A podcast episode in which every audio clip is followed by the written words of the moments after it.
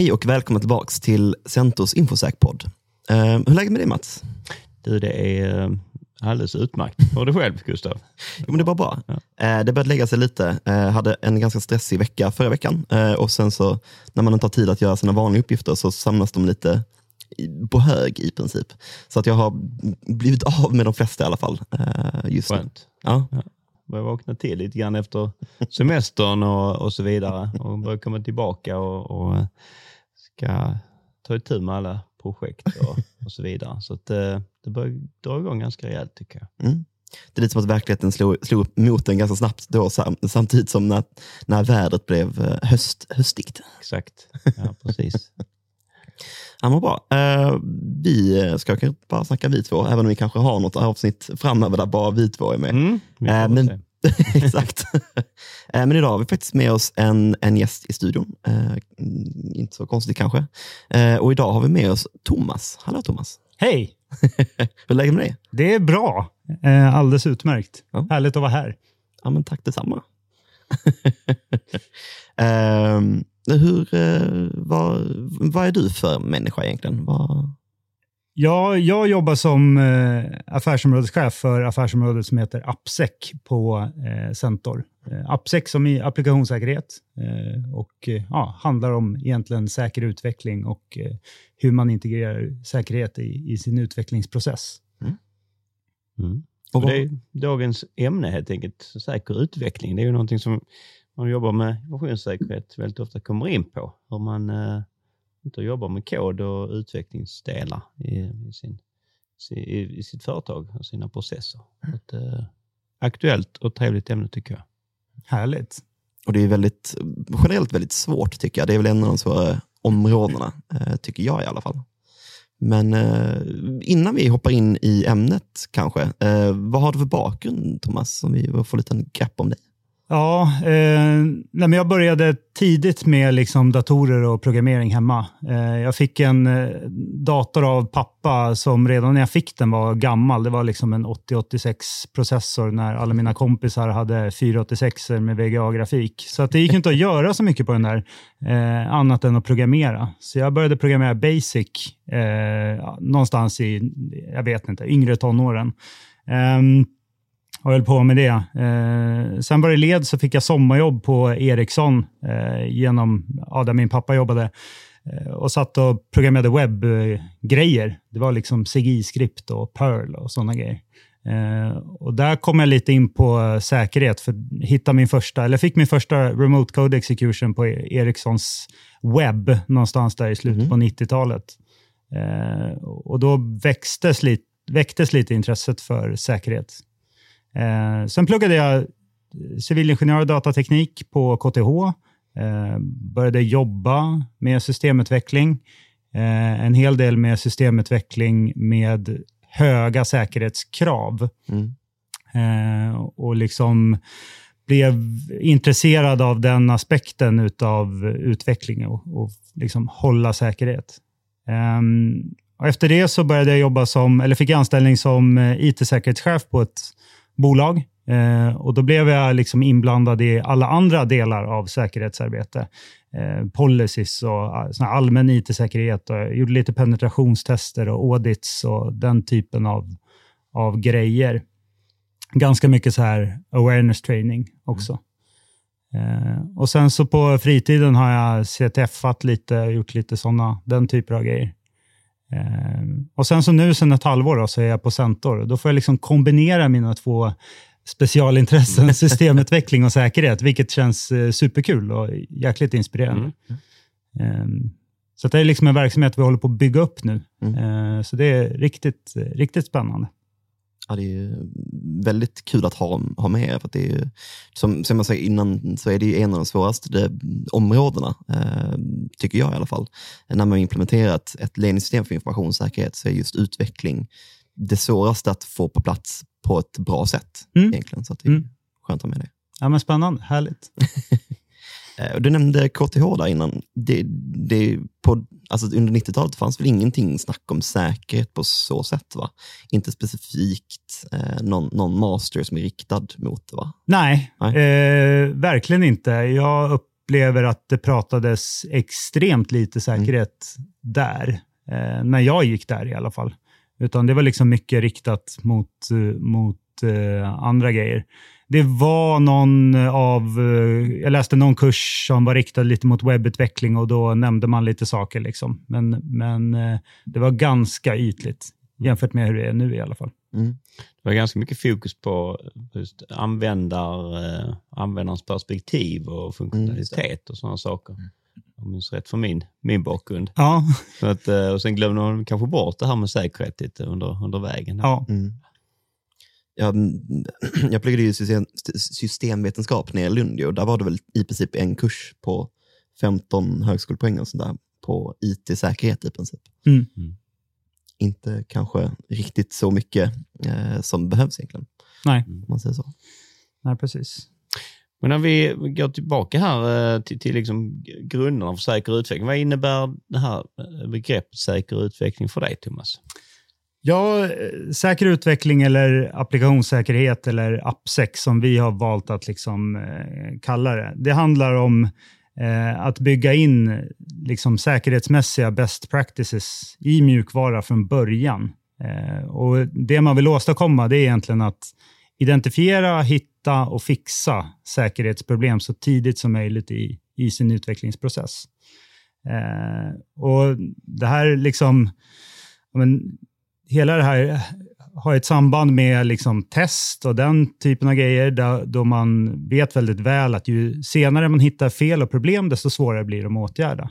Eh, och Det är samma strävan här, att ju tidigare vi hittar säkerhetsproblem, desto lättare blir de att adressera. Eh, det finns en del utmaningar kring det här. Ofta har ju liksom säkerhetsarbete i eh, mjukvaruutveckling handlat väldigt mycket om att ja, innan vi gör en stor release så ska vi göra en penetrationstest, och vi ska göra en kodgranskning, och vi ska göra en stor översyn och en audit av, av vad vi har byggt. Eh, och Det där arbetssättet kanske liksom fungerade tidigare då man jobbade på ett väldigt eh, eh så liksom Vattenfall. vattenfalligt sätt, eller vad man nu vill säga. Då man hade någon form av planerat releasedatum. Idag jobbar man ju mycket mer eh, med liksom, eh, att man släpper mjukvara väldigt, väldigt ofta. Mm. Kanske dagligen, kanske flera gånger per dag. Eh, speciellt om man jobbar, håller på att bygga någon form av SaaS-tjänst där man väldigt lätt kan få ut eh, nya versioner av sin mjukvara i produktion. Då kan man släppa flera gånger per dag. Och Då är frågan, var, när ska man då göra sin penetrationstest och när ska man göra sin kodgranskning? Mm. Man inser då att om vi ska pyssla med liksom kontinuerlig mjukvaruleverans, då måste också säkerhetsarbetet bli mer kontinuerligt och inte bli liksom en stoppkloss och en, en checkbox innan vi går live med någonting. Mm. Um, och jag tycker liksom att ha ett fungerande applikationssäkerhetsprogram eller att jobba aktivt med det här, det blir liksom ett eh, skallkrav för att kunna göra ja, men det som man kallar för continuous delivery, alltså att man mm. kontinuerligt levererar mjukvara ur en eh, mjukvaruorganisation. Mm. Då måste man liksom ha det här tänket inbyggt, annars går det liksom inte att jobba mm. på det sättet. Mm. Men det är intressant, alltså, som, du, som du säger, det, det är inte kanske riktigt många organisationer som vi kommer ut och möter som faktiskt eh, arbetar enligt vattenfallsmetoden, om man nu vill kalla det det. Det, det, det är lite så här att eh, utvecklare skäms ju lite eh, om de faktiskt jobbar på det sättet. På något sätt. Ja, man drar ju ofta den liknelsen. Idag jobbar man på, på något agilt sätt och mm. tidigare jobbade man på Vattenfall. Men det är väldigt få människor som har upplevt mm. liksom en Vattenfallsorganisation på mm. riktigt. Eh, mitt första jobb på ett stort svenskt bolag, då var det liksom väldigt Vattenfall. Det var människor som hade suttit en våning upp i två år och gjort en förstudie och sen ramlade det ner ett resultat i en utvecklingsavdelning som byggde någonting i två år och sen följde det över i en testavdelning. Mm. Eh, ja. Um, men så försöker man liksom inte jobba nu, utan nu jobbar man ju ofta i mindre inkrement, eh, kortare, mindre leveranser egentligen eh, och försöker väldigt ofta kontinuerligt leverera ny ny funktionalitet i det man bygger. Är det den stora skillnaden idag jämfört med tidigare? Med det, finns väl, ja, det finns väl massvis med, med skillnader, men det är väl en, en skillnad i alla fall. Mm. Um, kan man säga. Mm. Men, men äh, du pratar ju här om äh, så, utifrån att ja, men det här är bra att ha, det här är nytta och så vidare. Men vad är det som du upplever driver organisationer idag att eh, verkligen jobba med AppSec och när du får förfrågningar kring detta, vad är det som eh, så att säga, vad är bakgrunden och, och driften bakom eh, en efterfrågan kring mm. säker utveckling? Ja, men många hör ju av sig till oss eh, och Eh, har liksom, de, de förstår att säkerhet är viktigt. De kanske har compliance-krav. Eh, de har olika krav på sig från liksom, eh, organisationen egentligen på att ja, men säkerhet är jätteviktigt. Det står högt på vår agenda. Våra kunder tycker det är superviktigt. Eh, men vi vet inte vad vi ska göra. Eh, och ibland kan de ha idéer om att ja, vi måste utbilda våra utvecklare eller vi måste köra någon form av automatiserad säkerhetstest och, och så vidare. Och så vidare. Men eh, det som vi försöker eh, göra är lite att ta ett steg tillbaka och titta över hela liksom, utvecklingscykeln och se var någonstans ska vi lägga fokus och vad ska vi göra? Det finns ju många liksom, eh, saker som faller i appsäcklådan och det gäller ju att plocka fram rätt sak för rätt organisation som gör mest nytta. Liksom. Um, så det är, väl, det är väl den första grejen, att de kommer för att de inte riktigt vet vad de ska göra. Ehm, vi tror ju stenhårt på att vi kommer göra säkerhetsarbetet billigare om vi liksom introducerar det tidigare och har det med i åtanke under hela utvecklingsprocessen. Eh, vi tror också att slutresultatet blir bättre och mer säkert om man har liksom jobbat med säkerhet från början. Eh, och Sen finns det liksom andra, andra aspekter av det här. Eh, tittar man till exempel på OWASP topp 10, som är liksom den listan som publiceras med några jämna mellanrum, jag kommer inte ihåg exakt hur ofta, men med de mest kritiska säkerhetsriskerna för webbapplikationer, så på den senaste listan så dök eh, en ny punkt upp som heter liksom OS, Insecure Design, tror jag de kallar den för, mm. på plats nummer fyra. Och Det är liksom någonting som kan vara väldigt svårt att adressera sent i ett mjukvaruutvecklingsprojekt, utan mm. någonting som man eh, måste adressera ganska tidigt. Annars mm. har man liksom byggt in sig själv lite grann i ett hörn. där. Um, det är där man kommer in på lite det security by design-principen, ja. Eh, att man utvecklar med alltid konstant hänsyn och beaktande till. Ja, ja men till exempel. Ja, mm. exakt. Ofta startar ju de här tankarna kanske när man har en historik och byggt in en, en form av legacy ja. och som du beskriver är kanske lite svårt att ta sig ur. Vad är, ditt, vad är ditt tips och konkreta råd till en organisation som har byggt in mycket legacy eh, och kanske inte riktigt vet vilka säkerhetsrisker som man faktiskt har eh, i nuläget och så vidare. Och när man då ska starta igång det här, vad, vad, vad är det bästa sättet att, att starta helt enkelt? Ja, nej, men jag tycker liksom att all, form av säkerhetsarbete ska ju inledas med någon, någon form av riskanalys. Annars, mm. så, annars är det paranoia man pysslar med. Eh, och det, det är kanske ert, ert favoritämne, men, men eh, även i AppSec så är liksom hot och risk den del man bör börja med och det man bör lägga fokus på liksom, tidigt i sitt AppSec-arbete.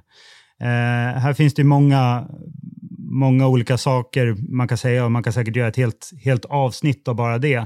Eh, men tittar man till exempel på hotmodellering som är någonting som jag kanske förespråkar så är det mappar det väldigt bra in i appsäckarbete i det att man inte försöker leverera liksom ett eh, eh, perfekt resultat från början, utan man jobbar liksom med någonting som man eh, förfinar över tid eh, och kontinuerligt arbetar med. Mm. Med några jämna mellanrum i sitt, i sitt utvecklingsarbete. Men jag tror liksom hot och risk, det, är, det är liksom det första man måste på något vis klara av och, och göra klart för sig. Vad är det som är viktigt i, i mm. vår stora liksom, applikation? Vad har, vi för, vad har vi för saker där som är viktiga att skydda? Och det blir lite ett systematiskt arbetssätt som är, man ska säga, för en infosäckare så blir det väldigt trevligt att höra systematiskt. Ja, eh. precis. Mm. Eh, det, det, är där vi har liksom kopplingen, den nära kopplingen mot eh, infosäkdelarna. Mm. Tittar man vidare på, på vad man brukar ha mer i AppSec-program så eh, brukar man ha någon form av awareness-bit då man tittar på eh, utbildning av utvecklare och liksom försöker landa där i vad, vad man ska tänka på eh, i form av liksom ren utveckling när man ska bygga säkert. Eh, man kan jobba med security champions, finns det organisationer som gör, då man har någon utsedd person i team som har en liten extra, får lite mer säkerhetsträning och mm. kanske har som uppgift att ha ett öga på det. Liksom. Eh, funkar väldigt bra om man jobbar eh, som team mycket tillsammans i någon, kanske någon form av parprogrammering eller mobbprogrammeringssetup. Liksom. Mm. Man brukar jobba mycket med säkra komponenter, eh, bygga upp saker som är återanvändningsbara. Till exempel om man jobbar i en containermiljö så kan det handla om att eh, bygga och härda containrar som går att återanvända i många olika delar av sin applikation. Man brukar prata om automatiserad säkerhetstest som eh, en stor grej eh, som är ganska populärt just nu. Eh, SAST och DAST, statisk, Static Application Security Testing, som är egentligen statisk kodanalys, där man tittar efter kända mönster i, i kod som eh, eh skulle kunna innehålla sårbarheter. Det finns vissa typer av sårbarheter man typiskt hittar med den typen av, av koller. Eh, DAST är Dynamic Application Security Testing, De har mer provar applikationen under eh, körning eh, med olika, olika typer av indata. Mm. Och så brukar man integrera någon form av software component analysis som är egentligen att analysera de komponenter man har i sin mjukvara för att eh, se om det finns kända sårbarheter i dem. Eh, se, det, det handlar egentligen om tredjepartsprodukter man integrerar i sin mjukvara. Eh, se om det finns kända sårbarheter i dem, se att de är uppdaterade och så vidare. Och så vidare. Mm. Det är liksom ett arbete som, eh, bara för att jag idag skriver en mjukvara eh, som har inte några sårbarheter i sina tredjepartsberoenden, mm. så betyder det ingenting om vad, vad som kommer hända imorgon. Liksom. Mm. Um, och då handlar det om att liksom kontinuerligt över tid kunna följa det här egentligen och kunna arbeta med det. Och det är väl väldigt viktigt när man använder sig av till exempel eh, open source. Ja, eh, verkligen. verkligen. Liksom, jag menar, ingen som bygger någon, någon eh, mjukvara idag från början bygger ju liksom alla komponenter själv, utan man mm. baserar sig på något ramverk och mm. man tar in olika typer av open source-prylar som man hittar och så vidare. Och så vidare. Mm. Här finns det en annan aspekt av det, och det är den som inte har med säkerhet att göra, men det är den rena licensieringsfrågan. Eh, det kan man också eh, följa upp här och se att man faktiskt följer eh, de open source-licenser som man mm. använder. Mm. mer liksom i ett AppSec-program så brukar man prata om härdning och det handlar ju både om att härda plattformen som applikationen ska köra på, mm. eh, men också att härda sin CI-CD pipeline, alltså den den mekanism man har för att ta sin mjukvara ifrån liksom incheckad kod i Git eh, mm. via automatiserad test och bygge och så vidare och så vidare och sen slutligen ut i sin test och produktion och kanske QA-miljö eller vad man nu har för miljöer. Eh, och att härda den där, den där kedjan blir väldigt viktigt för eh, det är en, ett populärt ställe att angripa en organisation. Mm. Eh, och sen så handlar det mycket om att förbereda sig för att hantera eventuella incidenter eh, och att liksom, ja, men, samla in loggar, kanske bygga dashboards där man visar hur applikationen mår, vad som händer i den och så vidare. Och så vidare. Mm. Så det är många olika komponenter. Man kan väl säga att hela kravet för det här det är ju att man också har en liksom aktiv förvaltning av sin mjukvara. Att man inte bara eh, har liksom skrivit något och låter det vara. Utan mycket av det här kräver att folk faktiskt sitter och tittar på de här mm. eh, testerna som körs och, mm. och så vidare över tid. Mm. Och det är väl en livscykeltänk helt enkelt som mm. Absolut. du förespråkare. Men, men eh, eh, vi har varit inne på lite grann här, men så att attack, attackytan kommer att öka givetvis om man inte så att säga, jobbar strukturerat med det här. Men vad ser du för andra stora risker för en organisation här som är, som är ganska omogen? Vad kommer man ha att så att säga, ställas inför för olika typer av hot. Jo, men en stor grej är att man lever med en eh, stor risk som man egentligen inte har koll på. Um, alltså att, att uh, i liksom vårt skrå som säkerhetstekniker, eller vad man ska säga, så är ju vi gärna den typen av människor som skriker nej och stopp och så mm. vidare. och så vidare. Eh, och Vi kan ju gärna överdramatisera, eller vi har en tendens att överdramatisera säkerhetshoten och riskerna. Mm. Eh, och Jag tycker att ett AppSec-program på ett bra sätt kan liksom synliggöra riskerna och säga mm. vad är egentligen eh, riskerna vi har och vad lever vi med? Eh, och hur hanterar vi dem?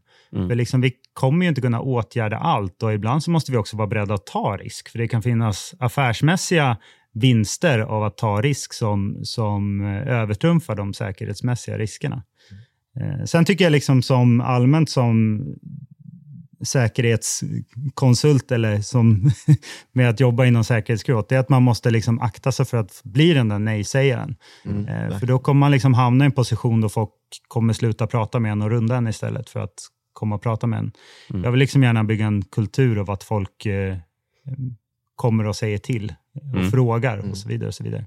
Mm. Men det är väldigt viktigt att inte, som du säger, man ska inte vara en bromskloss, utan vi ska vara en stödfunktion på något sätt. Nej, verkligen. Och det är där jag, jag brukar också rekommendera till människor jag möter och företag som man ändå är ute hos, då, då mm. att som du var inne på tidigare, då, security champion. Mm. För att, i alla fall från mitt perspektiv som kanske inte är så pass insatt i egentligen ren utveckling, jag har inte den kompetensen eller kunskapen på så mm. sätt, så behöver jag ha en, eh, säga, en allierad på så sätt mm. ute i de olika teamsen. Mm. Jag tycker det funkar egentligen bäst, för att oftast finns det också kanske eh, människor som dig egentligen, mm. som känner det här säkerhets... Eh, man är lite triggad, oh, det, det låter intressant. Mm. Det, det, hade jag gärna kunnat ta. Mm. Så det finns nästan till alltid någon som är sugen mm. på att egentligen ta emot den rollen och mm. kanske bli lite mer utbildad och mer kompetent inom säkerhet. Mm. För då, då är det en väldigt bra dörr in. Ja. Och Det är så man förhindrar, i alla fall till, till stor del i alla fall, den här bromskloss Ja, verkligen. Jag, jag, jobbade mycket med choklad på mitt gamla jobb. Okay. Eh, jag delade ut chokladbitar till folk som kom och berättade att de hade råkat eh, gå på en phishing-kampanj eller till folk som eh, hade gjort något klantigt. Eller till folk som bara sa att det här lösenordet är dåligt, det måste vi byta. Så fick mm. de choklad. Det är supereffektivt. Och tips. ja, den, ta med den.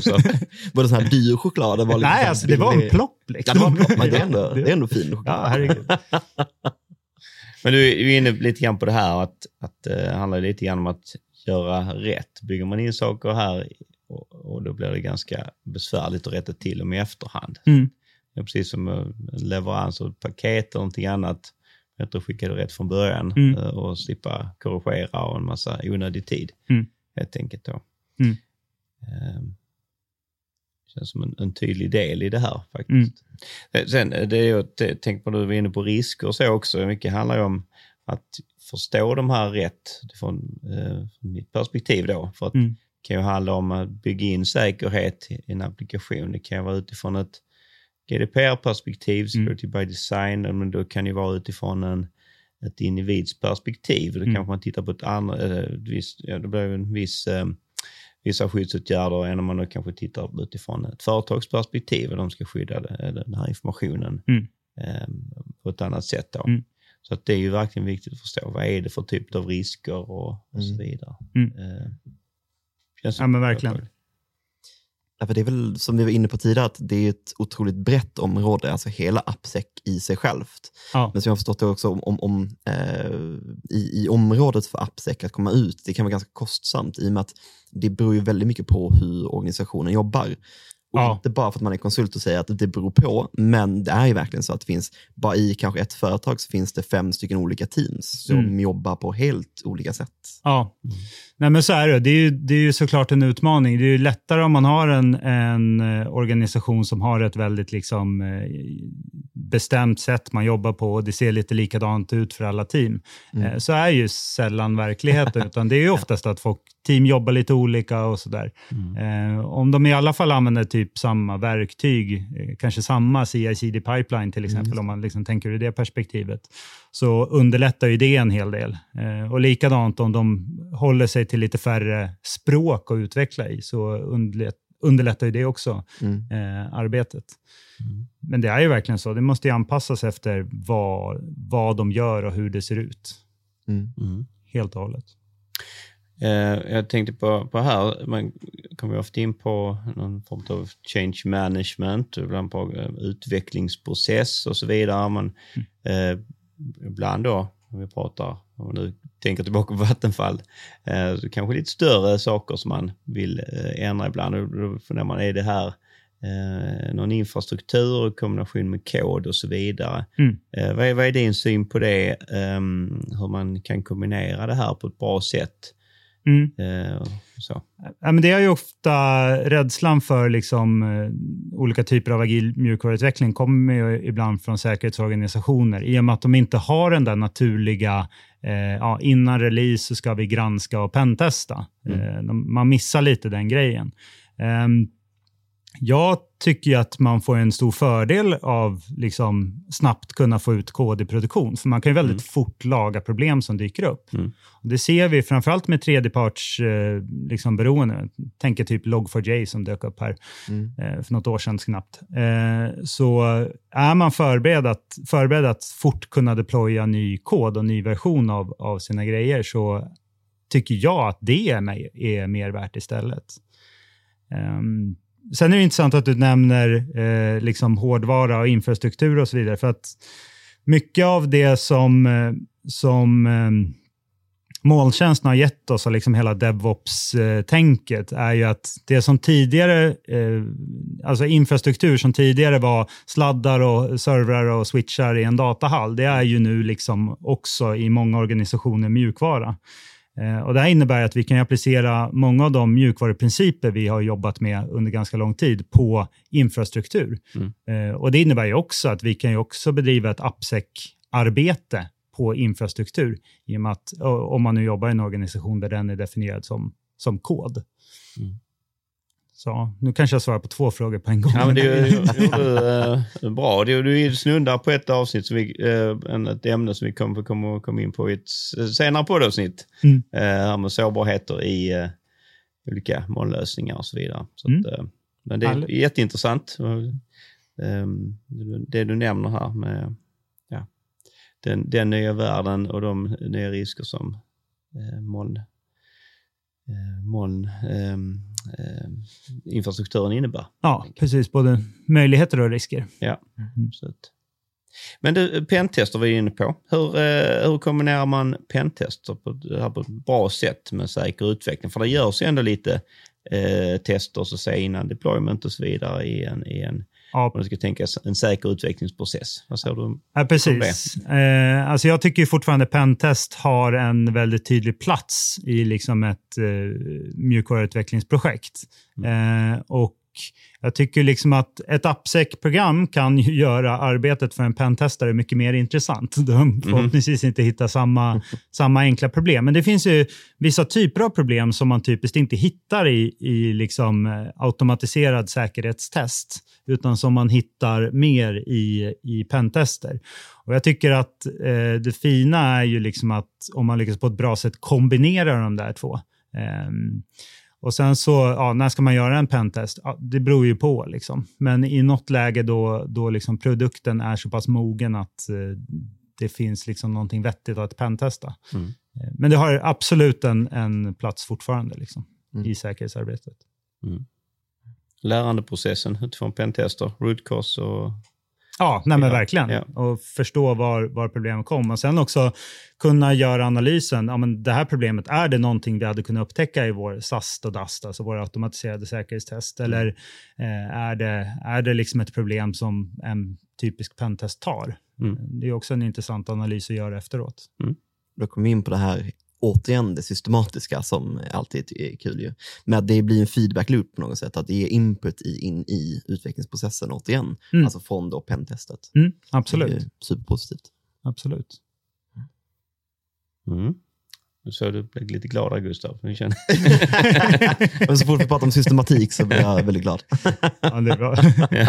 Egentligen, jag funderade här på automatiska säkerhetstest och prata lite mer om det. Vad är, vad är det viktigt att tänka på där? Nej, men ofta eh, organisationer som bygger liksom någon form av automatisk säkerhetstest, de bygger in det i, liksom, i sin CI-CD-pipeline. Då, blir, då det blir ett steg liksom, ihop med vanlig automatiserad test, Mm. liksom, funktionstest egentligen. Eh, så bygger man in det vid sidan av. Och Det viktiga här är ju att eh, olika typer av verktyg som, som gör det här, de kommer ju, om man lyfter på dem på, om man lyfter på ett SAST-verktyg, Mm. alltså som gör statisk kodanalys på ett, på ett mjukvaruprojekt som man har hållit på och jobbat på ett tag, då kommer det liksom ge enorma mängder larm. Mm. Eh, och det där måste ju hanteras och arbetas med eh, liksom kontinuerligt. Så att man kan liksom inte tro att det är ett verktyg man sätter upp som fint kommer varna en i, i, i, liksom när det dyker upp någonting. Det kommer leverantörerna säga att, att det är, men, men det är i själva verket någonting man måste jobba med väldigt aktivt. Eh, och Det innebär att det, man kan ju inte implementera det här om man inte har någon människa utsedd som faktiskt kommer jobba med de här loggarna och eh, analysera de här problemen och också vitlista saker och säga att det här är inte ett riktigt problem och så vidare. Och så vidare. Mm. Så att det kräver ju en, en del av organisationen. Det är ingenting som kommer gratis. Det är ingen silver bullet, liksom, Nej, nej, tyvärr. nej. Som i många andra fall. ja, precis. som i många andra fall. Ja. Verkligen. Mm.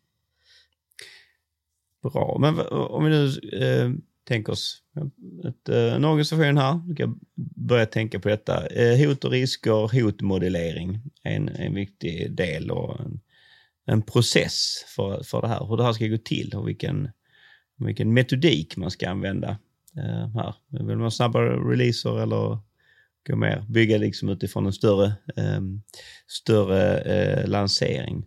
Men eh, om vi sammanfattar mer saker som, är, liksom, som du kan ge som ett tips till, till en organisation, att man bör tänka på mer. Det viktiga är att man ser över hela, hela sin livscykel och funderar över vad, vad är egentligen de grejerna som, bör, eh, som man bör adressera. Eh, Många organisationer som hör av oss till oss, de kan vara så här, vi behöver utbilda våra utvecklare, Mm. för de tänker att det är appsec. Eh, Men det kanske är, ja visst, utbildning av utvecklare är en del, eh, men det är ju liksom långt ifrån ett helt appsec-program. Och jag tror att det viktiga är att man har liksom den här lite holistiska synen på, på mjukvaruutvecklingen och, och ser eh, egentligen alla aspekter utav det här och väljer liksom var man, var man vill var man behöver angripa. Eh, jag pratade med en kollega som var på ett uppdrag där de skulle införa, de fick i uppgift att de skulle införa SAST eh, för liksom ett mjukvaruprojekt.